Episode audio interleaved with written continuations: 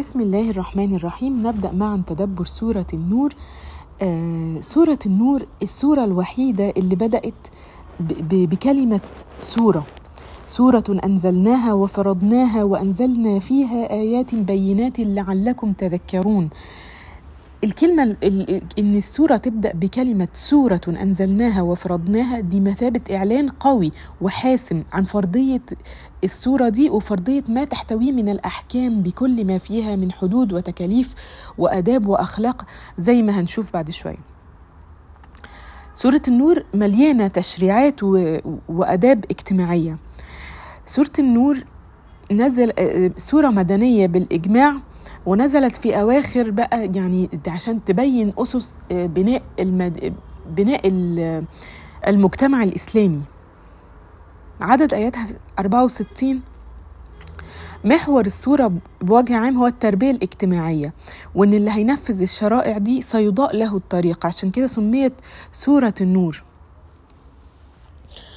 آه الآداب الاجتماعية اللي موجودة في في سورة النور هي بمثابة بمثابة نور يضيء الطريق للمؤمنين. علشان كده ارتباطها بالسورة اللي قبلها سورة المؤمنون لأن الله سبحانه وتعالى لما مدح المؤمنون في في السورة اللي قبلها وقال من ضمن أوصافهم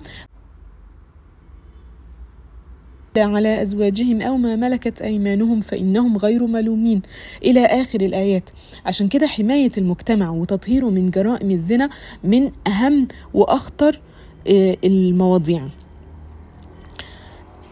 وأيضا في آخر سورة المؤمنون في الصفحة أنا أتمنى إن أنتم تكونوا فاتحين المصحف معايا أو على الموبايل أو آيباد أو أي حاجة. افتح معايا كمان الصفحة الأخيرة من سورة المؤمنون في آية 115 أفحسبتم أنما خلقناكم عبثا وأنكم إلينا لا ترجعون؟ إذا ربنا مش خلقنا وسايبنا نتخبط في الدنيا دي لا ده مدينا المنهج الواضح السليم اللي يمشينا صح. وهنا السورة لو هنلاحظ هتسمي جريمة الزنا بمسماها الحقيقي اللي بيتحرف دلوقتي ويعني و... ويتقال عليه بقى مثلا حب عشق مساكنة كلام كتير. عايزين عايزين نتعلم الصورة دي كويس ونعلمها لولادنا ولبناتنا بالأخص كمان لأن فيها من التربية ما هو أساس لبناء المجتمع وإصلاحه. طيب آه مقاصد سورة النور بوجه عام.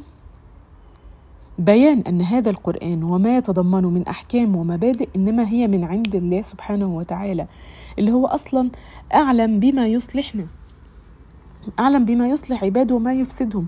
اللي ربنا بيختاره لنا يا جماعة هو ويعمله فرض علينا هو ده لازم تكون متأكد إن هو ده اللي فيه تحقيق مصالحك الدنيوية. ون... أولا وبعدين ونيل سعادتك الأخروية. آه وإنك ما تخسرش آخرتك.